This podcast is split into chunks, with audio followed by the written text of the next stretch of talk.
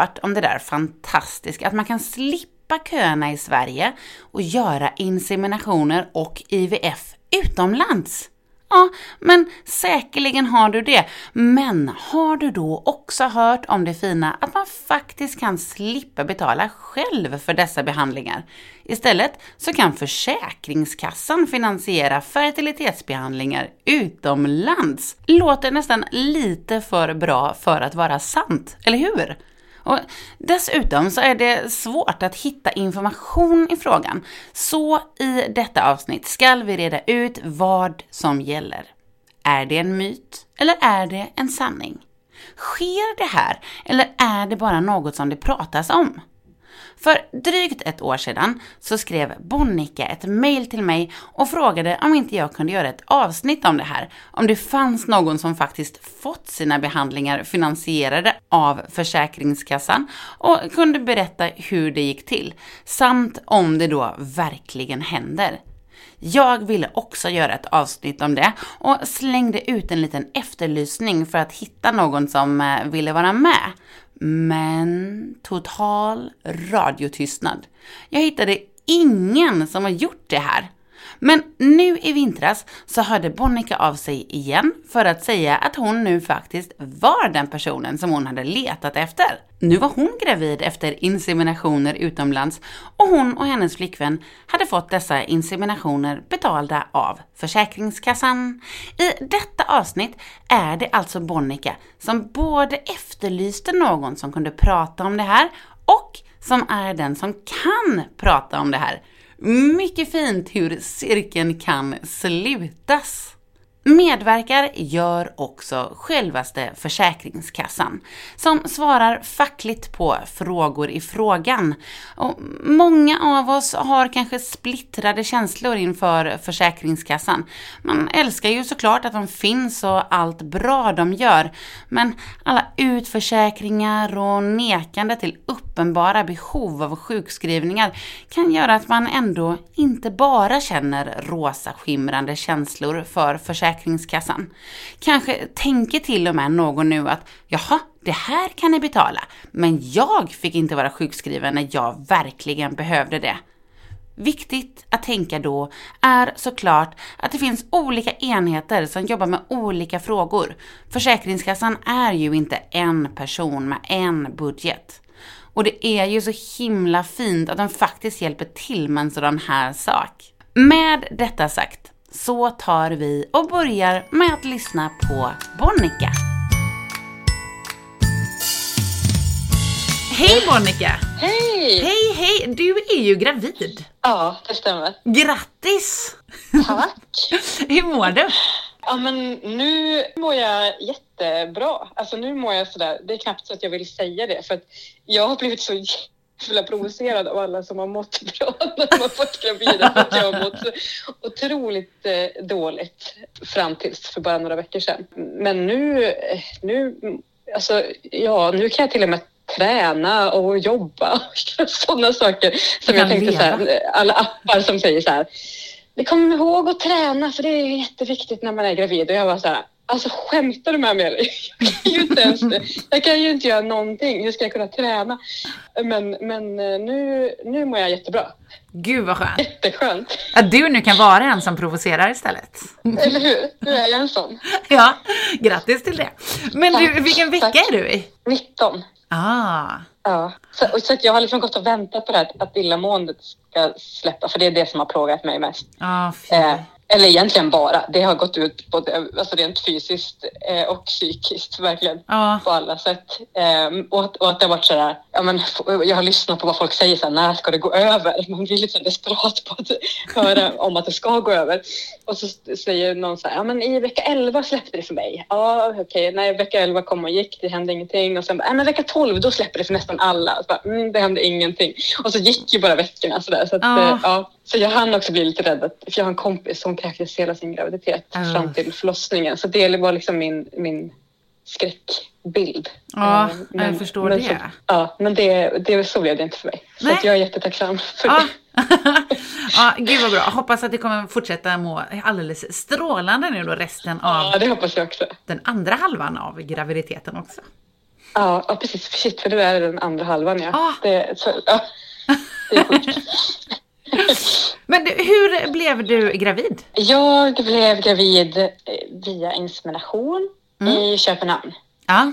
Gjorde ni många försök? Ja, eller nej, det beror på vad man jämför med. Ja, säger jag, för det kändes som så många försök. Men vi gjorde fyra försök. Ja. Men det går ju typ att direkt översätta till 400 nästan. Av hur det känns Ja, alltså. men eller hur? Ja. Det, det är verkligen. Eh, alltså, det är den här känslomässiga eh, resan som man eh, kastar sig in i. Den här eh, blandat med sådär väntan och sen direkt eh, såhär, man blir ledsen och försöker såhär, eh, okej, det blev ingenting.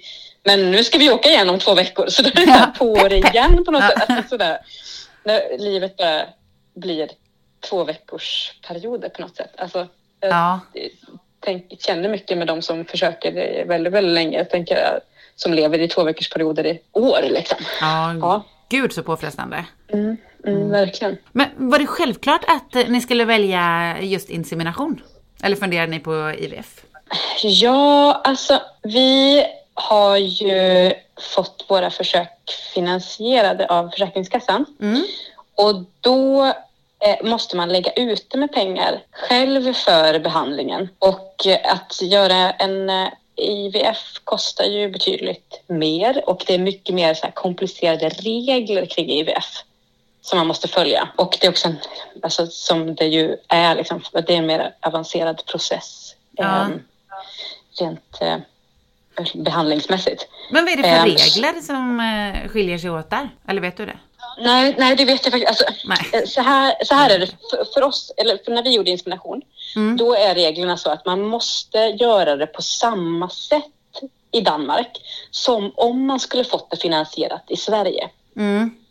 Och där kan det ju skilja då, till exempel om de vill använda jag, inte vet, jag vet inte vad man skulle kunna göra IVF på något annat sätt. Alltså, men det måste liksom typ eh, juridiskt och såna, alltså medicinska saker. Sånt, jag vet inte riktigt hur mycket de kan lägga sig i det, men, Nej. men, eh, men om, det, om det finns vissa saker som man skulle kunna fejla på då typ och Ah. så skulle de kunna, kunna neka en ersättning. Ja, Eh, och har man ja. gjort eh, en, en insemination är ju så här, vi, vi var lite skeptiska till om vi skulle få, få tillbaka pengar från Försäkringskassan för vi tänkte så här, vi har säkert missat något jävla papper eller alltså någonting sånt. eh, och då tänkte vi att ja, men då, får vi, då får vi ta igen det så får vi eh, göra rätt nästa gång typ. Och så Ja. tänkte vi att ska man göra IVF då kommer vi vilja ha ett förhandsbesked som det heter då från Försäkringskassan. Ja. Och då innebär det att man, skickar, man gör alla utredningar, man skickar in alla papper och sen väntar man i upp till tre månader. Och då kan man få ett, ett förhandsbesked som betyder då att ja, men ni har rätt till den här vården, kör. Men vi tyckte att det var för länge att vänta Ja. på. Så vi, ville, vi, vi chansade liksom första gången och tänkte att ja, det, får, det får bära eller brista. ja. Men vad, vad, Eh, vad, så- så- eller, jag fattar inte, vad, vad, liksom, vad kan skilja sig mellan hur sätten man gör insemination? Eller är det just liksom själva insprutandet eller är det processen runt? Eh, ja, precis. Nej, det är processen då. Alltså till exempel, vi behövde ha, vi måste kunna intyga att vi har eh, en öppen donator Mm. och att vi har, att vi inte själva har köpt sperma utan att det är kliniken som har valt Ja, okej. eh, och typ sådana saker. Men också att vi skulle ha gjort utredningar så att vi inte hade hiv och allt sånt där som man måste göra i Sverige. Ja, men det måste man Så göra i Danmark vi- också. Vad sa du? Det måste man göra i Danmark annars också. Ja, Ja, precis. Ja, ja, ja. Okej. det, men det, Då, då, är, då, vissa då är det samma. Ja.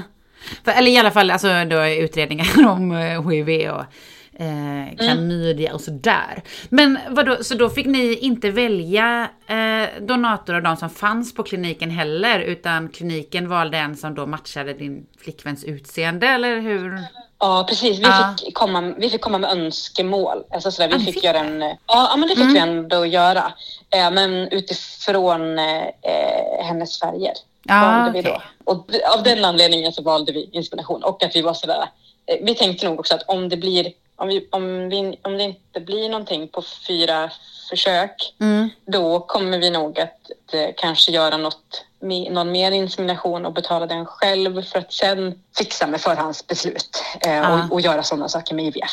Mm. Det var, nog, det var nog planen vi hade tror jag. Ja, men för, ni, ja, ni fick ju då era eh, inseminationer be- bekostade av Försäkringskassan. För Hur fick ni reda på från början att den möjligheten fanns? Vi eh, pratade med reproduktionsmedicin här i Göteborg på Sahlgrenska. Ja. Och då var det för att eh, kolla hur kön såg ut och om det typ var någon idé att skriva upp sig i den där kön. Mm. Och då, nu minns jag i och för sig inte om, nej corona hade ju inte kommit till Sverige då eh, när vi ringde dit. Men, men då, eh, jag tror att vi har varit i kontakt med dem flera gånger sen och då var de ju så här, ja, nu vet vi absolut inte hur kön ser ut för, efter corona. Men då, innan i alla fall, då var ju kön fyra år Ja. lång och det tyckte vi var sådär, men herregud, fyra år alltså. Ja, Och, då, och, så är det, och så är de ju så här, ja men de bara, ja det, det kan vara mer, det kan vara mindre, men ja, det, det, det är så vi uppskattar det nu. Ja. Och då var det faktiskt de som sa, eh, men ni kan också vända er utomlands och få behandlingen finansierad av Försäkringskassan. Och då var jag så här, men eh, är det verkligen Försäkringskassan? Säger du inte fel? Eller Mm. det låter ju skitkonstigt. alltså, varför, skulle, varför skulle man få pengar av dem? Liksom? Men, men, men, och då var det som att jag också bara, har du hört talas om någon som har fått det? Alltså, är det eller är, det- är, det bara, är det någonting som de skyltar med som sen aldrig händer? Liksom? Ja. Men då sa hon också så här, hon som jag pratade med, bara, jo men jag vet faktiskt några som har, har fått det. Och jag bara, okej. Ja. Och då sa hon att, ja men ring till Försäkringskassan och prata med dem. Och så sa jag, okej det ska jag göra. Så det var där vi fick liksom Ja. in, tipset. Men sen eh, pratade vi också med Malmö. Eh, alltså reproduktionsmedicin i Malmö. Ja. Och, och, och det gjorde vi nog ganska kort efter att vi hade pratat med Sahlgrenska. Ehm, för då hade vi fått ett avslag på vår remiss som vi skickade dit för att vi inte var skrivna på samma adress. Mm. Så då hörde vi av oss dit och var så här, men, men eh, hur ser kön ut annars då? För att nu har vi skrivit oss på samma adress för att det var så viktigt. Eh, och, och då var det som att de bara, nej men nej, det ser inte, kön ser inte så bra ut, typ, eller inte enligt oss i alla fall då.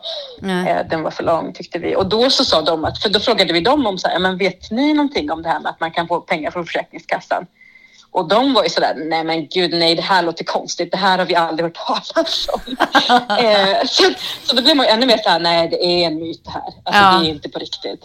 Ett aprilskämt. Eh, exakt, Mm. exakt så. Eh, det är ju härligt det här med enad information också till alla Exakt, enheter. ja. Men jag undrar om, om det är liksom, i Göteborg har de ju säkert sagt det många gånger som Ja. tröst till alla, alla stackars människor som, som, som måste vänta i fyra år. Eller, alltså, I Malmö har de ju ändå haft kön under ett år, ganska länge tror jag. Så de har väl inte behövt. Och där åker väl folk lättare till Köpenhamn tänker jag än, alltså för att det är nära. Ja men precis. Men förresten Eh, innan ja. ni fick reda på att eh, man kunde liksom göra så här, eller att Försäkringskassan kunde betala. Hur hade ni tänkt då? Det var, hade ni tänkt liksom att fortsätta på Malmö eller hade ni tänkt åka till Danmark ändå? För jag antar att Göteborg ja, var jätte, out. ja, jättebra fråga. Alltså, jag tror att vi hade nog åkt till Danmark ändå tror jag. Ja, Men, eh, men vi tyckte båda två att det kändes viktigt. Alltså om vi, har, om vi nu har rätt till att få hjälp av staten att få ett barn, mm, eh, då kändes det viktigt att få använda den ja, hjälpen. För att jag kan tänka att vi hade säkert, eh, om det hade varit så att om vi, hade om vi vill ha fler barn mm, och, och det gick att göra det så här med andra barnet, alltså att man fick att vi säger att vi, hade, vi åkte till Köpenhamn och finansierade det själv, vill ha ett till barn så vi hade ändå ställt oss i kö i Göteborg då till exempel. mm. Ehm, då hade vi nog gjort så, men, men så funkar det ju inte utan man ska ju vara barnlös för att ha rätt till den här hjälpen. Ja, det är så. Så ni skulle Alltså- inte kunna sen, om ni vill skaffa fler barn, få hjälp av Försäkringskassan igen? Nej, Nej. nej, nej, det är ju eh, eh, för att man Ja. ska få hjälp som barnlös. Liksom. Ja, ja men som i Sverige då. ja. Ja, exakt, precis Ja. detsamma. Men sen liksom, hur gjorde ni då liksom praktisen för att få ersättningen? Skickade ni Ja, precis. räkningar? Jättebra fråga. Ja, ja precis. Det, det, det som vi gjorde först, det var ju att försöka få tag på så mycket information som möjligt om det här. Ja, Och då ringde jag till Försäkringskassan. Och då är det ett tips till alla som ska göra det här. Att be om att få prata med en sakkunnig om vård utomlands. Alltså planerad vård utomlands. ah, okej. För att jag gjorde så, alltså jag ringde väl bara och pratade med någon i växeln, typ, eller inte växeln, vad säger jag, alltså någon handläggare, så, är, så. Som bara, Jag kom fram till en receptionist på Försäkringskassan. Eh, och, och det här är ju ingenting som varje handläggare har någon koll på, utan det här är ju, alltså de har ju sina expertområden eller vad man ska säga. Mm. Så då var det igen att jag fick en sån här, för då sa jag så här, ja men eh, vi har hört att man kan få tillbaka ersättning eh, mot assisterad befruktning utomlands. Och då var det igen en sån här människa som bara, nej det här låter konstigt, det här, det här, det här, ska, du, det här ska du inte liksom lyssna på lät det som. Och jag bara, men vad fan igen, alltså vad är det här? Ja, Eh, men då sa han, ja men jag kan koppla dig så du får prata med en som kan vård utomlands. Och så fick jag göra det, eller jag blev uppringd tror jag samma dag. Och då var det ju jätteskönt för då fick jag ju svar på alla frågor. Och då fick jag ju bekräftat att jo, det stämmer. Det här händer och det går igenom. Och då kändes ju det som bara så här, shit, det är på riktigt. Det går. ja, Eh, varför gör inte alla det här liksom? Ja, för att det är så jäkla svårt att få tag på information då, eh, kanske. Men då sa jag, okej, vad är det som krävs? Och då fick jag liksom en, fick jag sitta och skriva ner då vad hon sa. Och då är det ju det här, just det här att behandlingen ska se likadan ut. Och det, med det innebär ju då till exempel att man kan inte ha en stängd donator, det måste vara en öppen donator. Och vi måste göra den psykosociala utredningen innan vi sätter igång behandlingen. Och, och det var ju också kapitel för sig, så här, hur gör man en psykosocial utredning privat? mm. Eh, alltså utan att vara knuten till någon mottagning i Sverige. Eh, och den utredningen måste sen i sin tur skrivas under av en läkare. Och sen därefter så måste det vara så här, vi måste ha våra journaler och så måste vi skicka vår behandlingsplan med ansvarig läkare. Så det här var liksom sådana viktiga saker då. Och sen så var jag så här, okej, men om vi, om vi gör allt det här, eh, räcker det? Behöver vi någonting annat? Bara, nej, nej, men det är det, det är det vi kommer behöva. Och, och så, så, så sa ju den där handläggaren att ja, men, eh, det går jättebra att prova och, eller skicka in och be om ett förhandsbeslut. Och då var jag så här, ja det låter ju jättebra. Det kanske man ska göra. Men sen blev våran process fördröjd liksom som det var med corona, med eh, värden som jag hade som inte var tillräckligt bra, som behövde se bättre ut innan vi kunde påbörja behandlingen. Så att vi, vi, vi hade nog en tanke om att ja, men det är nog bra om vi skickar in och får ett förhandsbeslut. Men sen när vi väl kunde åka så var det så här, nu åker vi. Alltså, Ja. då, då, var ju liksom, då kändes det sekundärt att få ett förhandsbeslut. Väntan var över. Ja, men, ja faktiskt. Ja. Då, då, då kör vi liksom, så kändes det. Men, men du frågade hur, man, hur vi gjorde sen för att få tillbaka pengar. Ja, Då gick vi in på, eh, man loggar in på Försäkringskassans eh, mina sidor och så lägger man liksom upp, man klickar vidare då till vård, planerad vård utomlands. Och så lägger man upp ett nytt ärende och så skriver man vad det är för sjukdom man har behandlats för. så att, då skrev jag ofrivillig barnlöshet. Och sen får man liksom ladda upp eh, alla papper. Och det här måste man ju då hålla lite, lite koll på, att det är verkligen alla papper som ska med.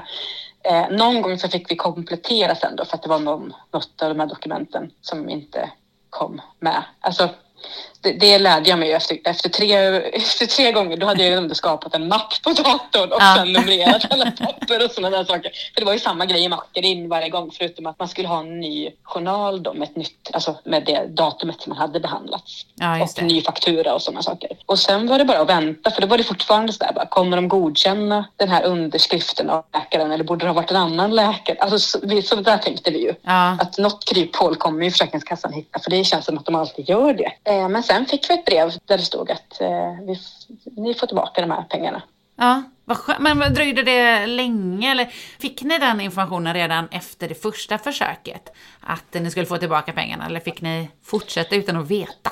Ja, men efter första försöket då förstod vi att vi hade ju gjort rätt. Liksom. Alltså, Ja. sådär. Då, tänkte jag att, eller då bad de ju också om att det var någonting vi skulle komplettera med. Liksom.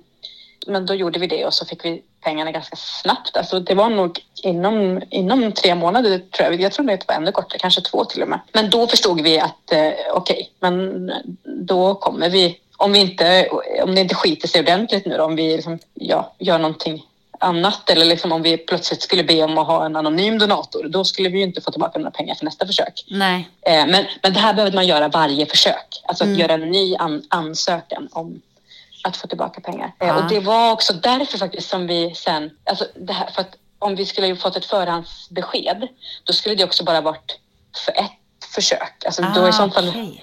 så skulle vi behövt få ett förhandsbesked för nästa, alltså om vi hade velat vara Ah. riktigt säkra. Och, då- och, och för då försökte jag, så här, när, jag, när vi pratade om det, när, när jag ringde till Försäkringskassan så sa jag så här, men så att lite krasst så kan man säga att ja, men om vi har fått ett förhandsbesked så för ett försök, då borde det ju gälla för alla. Ja. Men då var hon så här, nej men det här det kan man inte riktigt säga för man vet inte om ja, direktiven kan ändras och det- har hänt till exempel nu när folk gör IVF att det har kommit nya bestämmelser kring det och då kanske man fick ersättning för första försöket men inte för nästa. Så att eh, ja. Så därför om man ska vara riktigt garderad så ska man ju ha ett förhandsbesked då, för varje försök. Om man vill dra ut på det lite extra då. Om man, om man, tycker, att, om man tycker att det är lite för lätt som flata att göra barn, då, då kan man ju... Och tycker att det är väldigt roligt att ha med myndigheter att göra. Ja. Så Det, det, Det kan ju ändå vara lite av en hobby. exakt. exakt. Ja, men då, själva pengebiten var då en rätt lätt process kan man säga ändå då. Ja, alltså mycket lättare än vad jag trodde och lättare än vad mina tidigare kontakter med Försäkringskassan har varit, måste jag säga.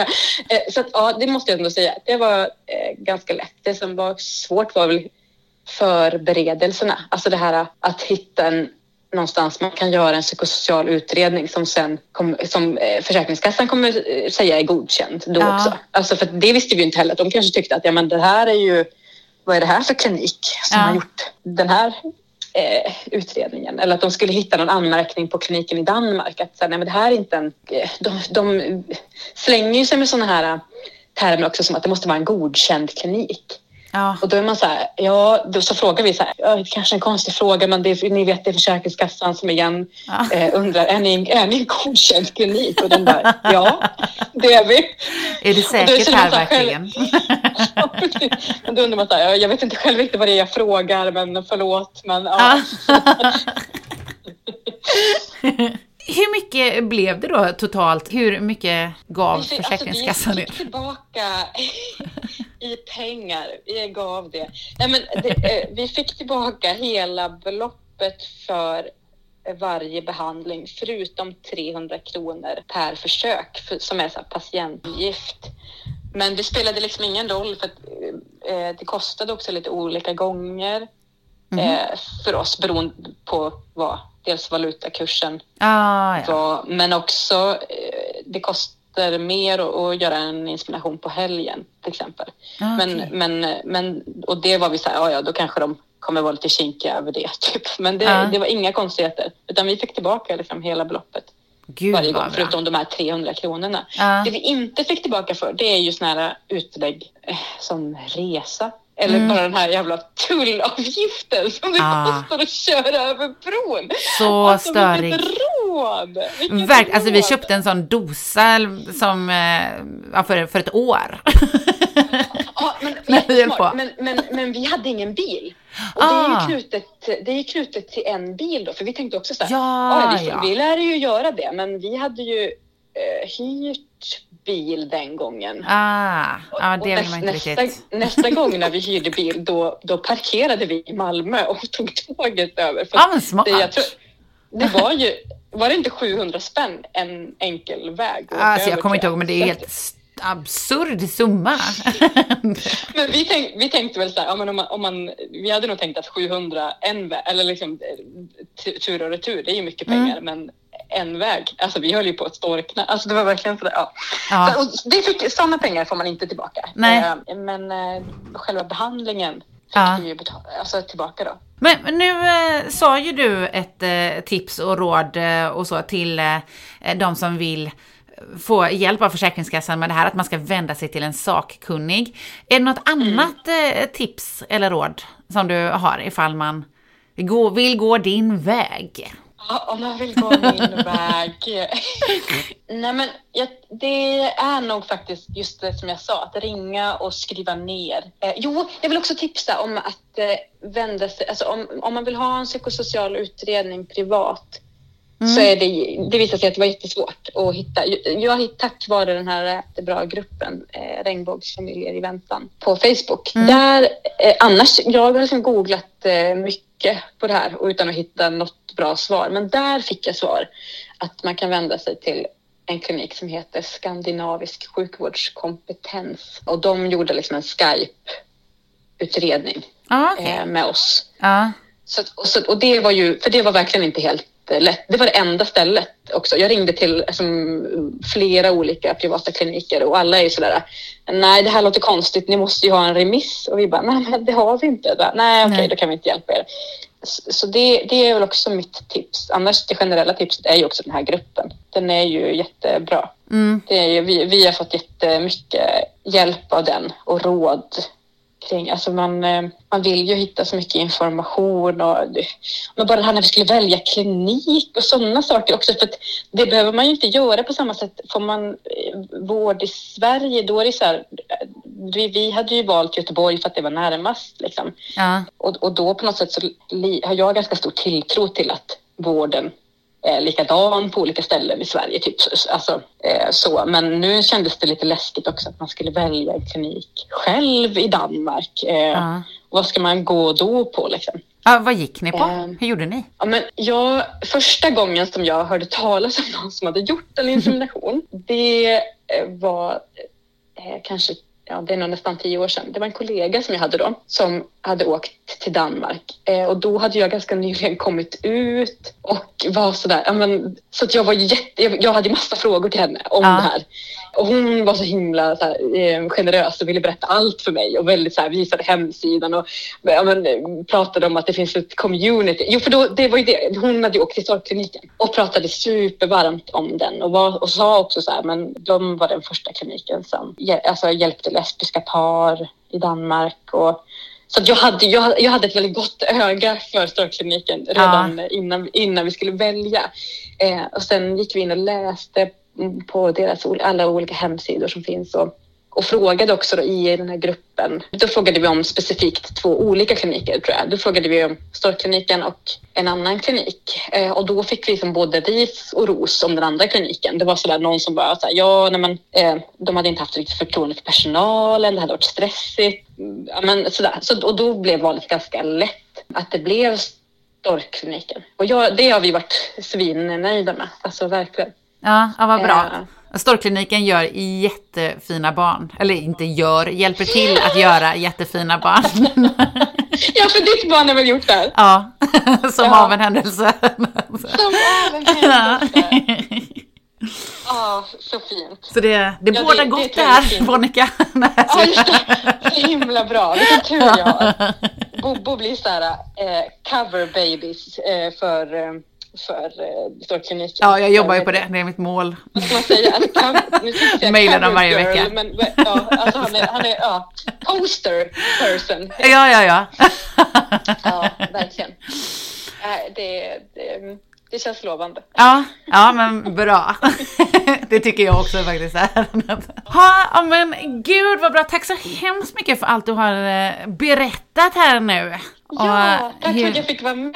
Jättekul det känns att faktiskt ha dig med. eh, jättefint och, och jag måste bara säga det för att det känns så fint att, att få vara den personen som eh, får berätta om det här eftersom Ja. att jag var så himla vetgirig. Jag eh, och min sambo, alltså vi var ju sådär, kan ingen bara berätta om, om kan, är det här möjligt? Och så, eh, och så nu får jag vara den personen. Det Men känns är du den jätte- personen? Jä- Du Jättefint. är den du sökte. Ja, det är ja, ju det bästa.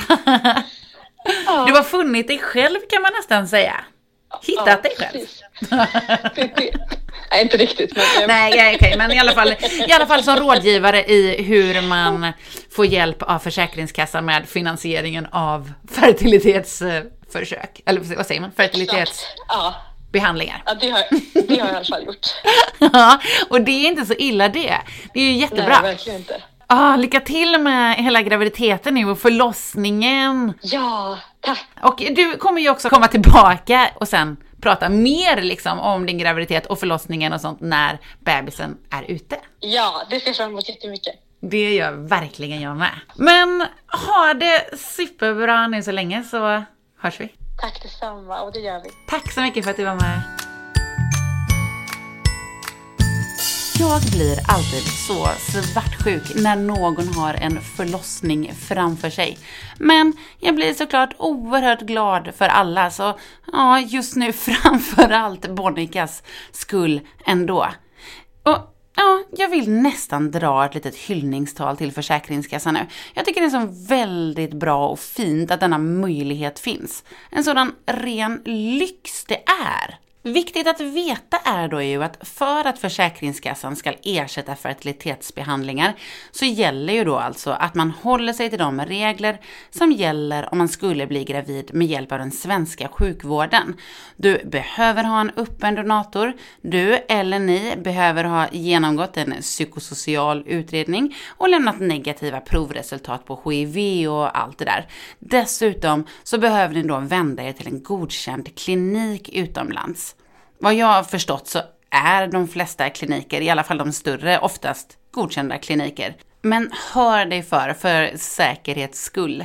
Även om det, som för Bonica, blir en lite märklig och liksom misstroende fråga att ställa. Och med det sagt, nu vänder vi oss till vad som i detta fall kan ses som tomten, tandfen, Gud eller som vi i folkmun säger Försäkringskassan. Vad säger de? Ja, så här säger i alla fall Christer, som var den som svarade på mina frågor. Nu kommer jag läsa upp hans svar eftersom jag fick dem skriftligen. Väldigt lockande här nu att eh, förställa rösten till hur jag tror att Christer kanske låter, men jag kommer inte göra det. Utan jag läser frågorna och svaren. Helt enkelt. Okej, vi börjar med en fråga. Hur går man tillväga om man vill få sin fertilitetsbehandling utomlands bekostad av Försäkringskassan? Christer säger, för att kunna pröva rätten till ersättning för vård utomlands måste Försäkringskassan få in ansökningshandlingar tillsammans med medicinskt underlag och kostnadsunderlag. Om vården inte är utförd behöver vi få in en ansökan om vård som du planerar att få i ett annat EU EES-land. Är vården redan utförd behöver vi få in ansökan om ersättning i efterhand för planerad vård i ett annat EU EES-land. Efter inkommen ansökan prövar Försäkringskassan i samråd med vårdtagarens hemregion rätten till eventuell ersättning. Ny fråga. Gäller detta även för fertilitetsbehandlingar privat i Sverige? Försäkringskassan Internationell vård prövar endast rätten till gränsöverskridande vård, det vill säga vård utförd i en annan EU EES-stat hade jag vetat att enheten hette Försäkringskassan internationell vård så hade jag ju givetvis inte ställt denna fråga. Men nu visste jag inte det. Det vi däremot vet nu är ju att Försäkringskassan då inte nu i alla fall finansierar fertilitetsbehandlingar privat i Sverige. Ja, sedan hade jag då frågan, vilka regler ska man följa för att få ersättning? Och var då lite ute efter det här med um, om man då behöver ha en öppen donator och genomgå det psykosociala samtalet och så vidare och så vidare. Men jag fick istället det här långa svaret så Håll i dig nu så kör vi! Ersättning för planerad vård i annan stat regleras av lag 2013 kolon 513 ersättningslagen.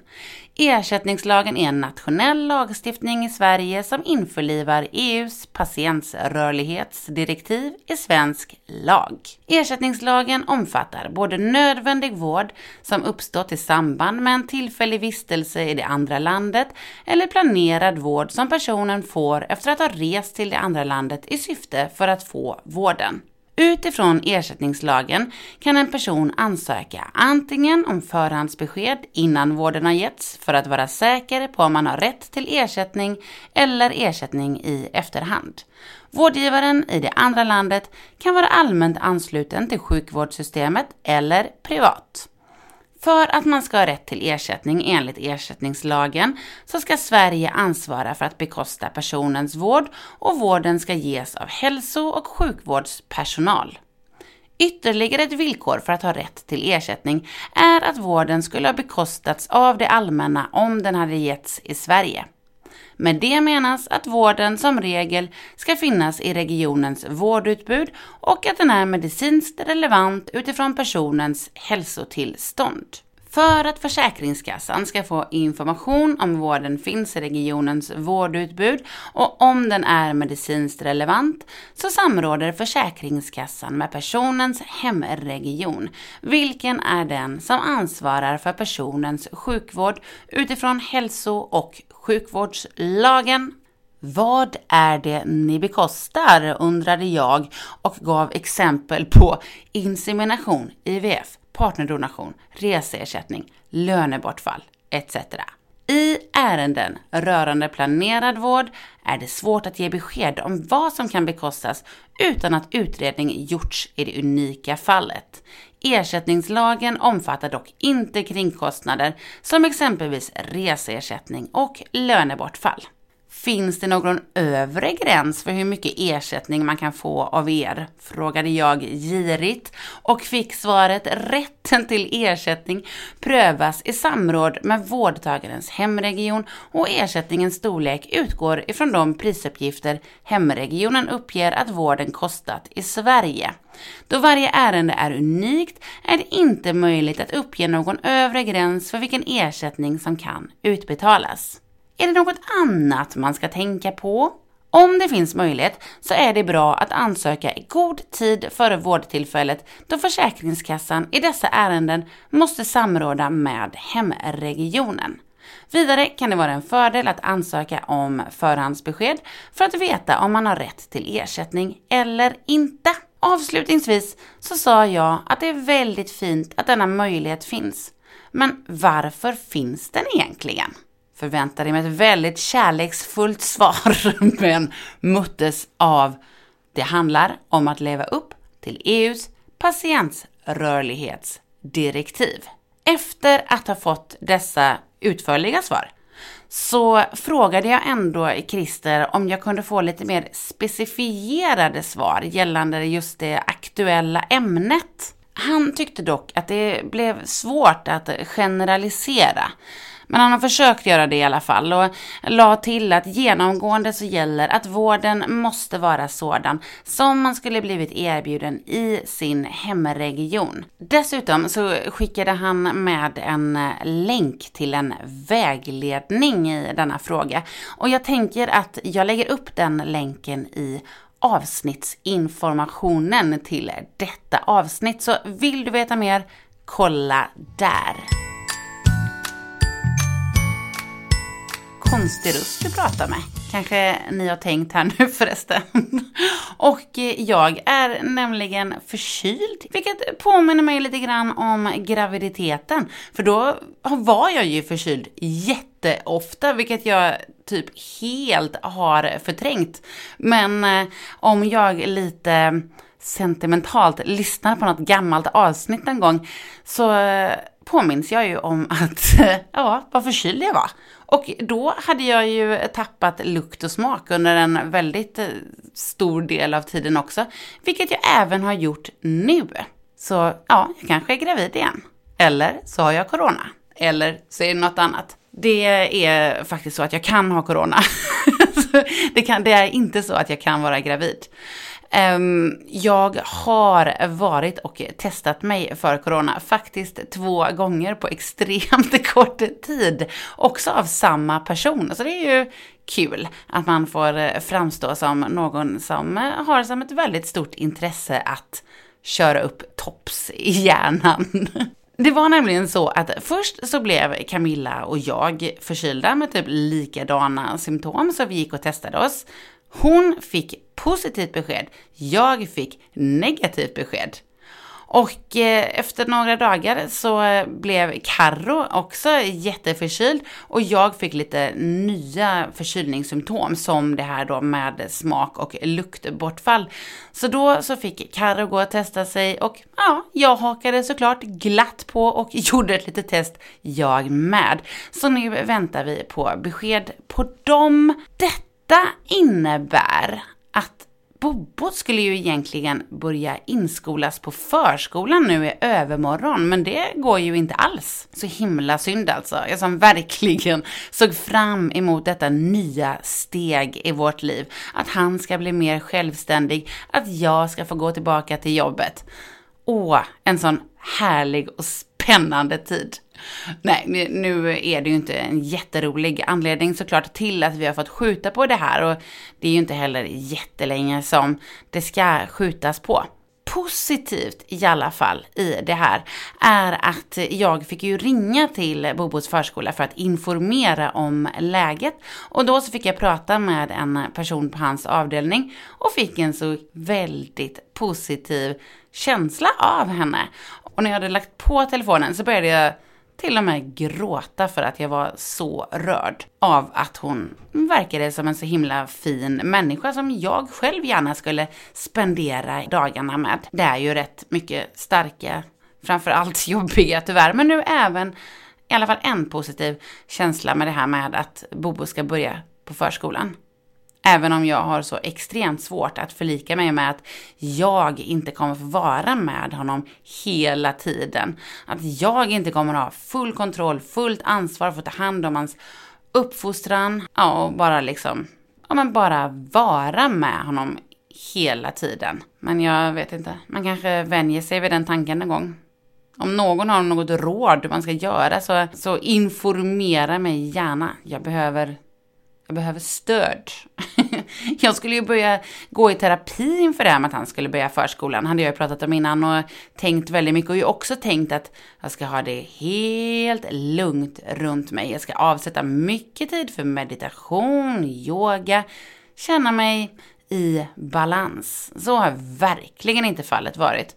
Utöver att vi är sjuka så är jag inne i någon väldigt negativ spiral. Jag liksom drar till mig negativa besked som en magnet känns det som. Och jag bara tappar saker, välter saker, går in i saker, allt går fel. Kan saker gå på två olika sätt så går det på det sättet som jag inte vill. Kanske måste det vara så här på något sätt för att jag ska ha fokus någon annanstans än på vad som komma skall.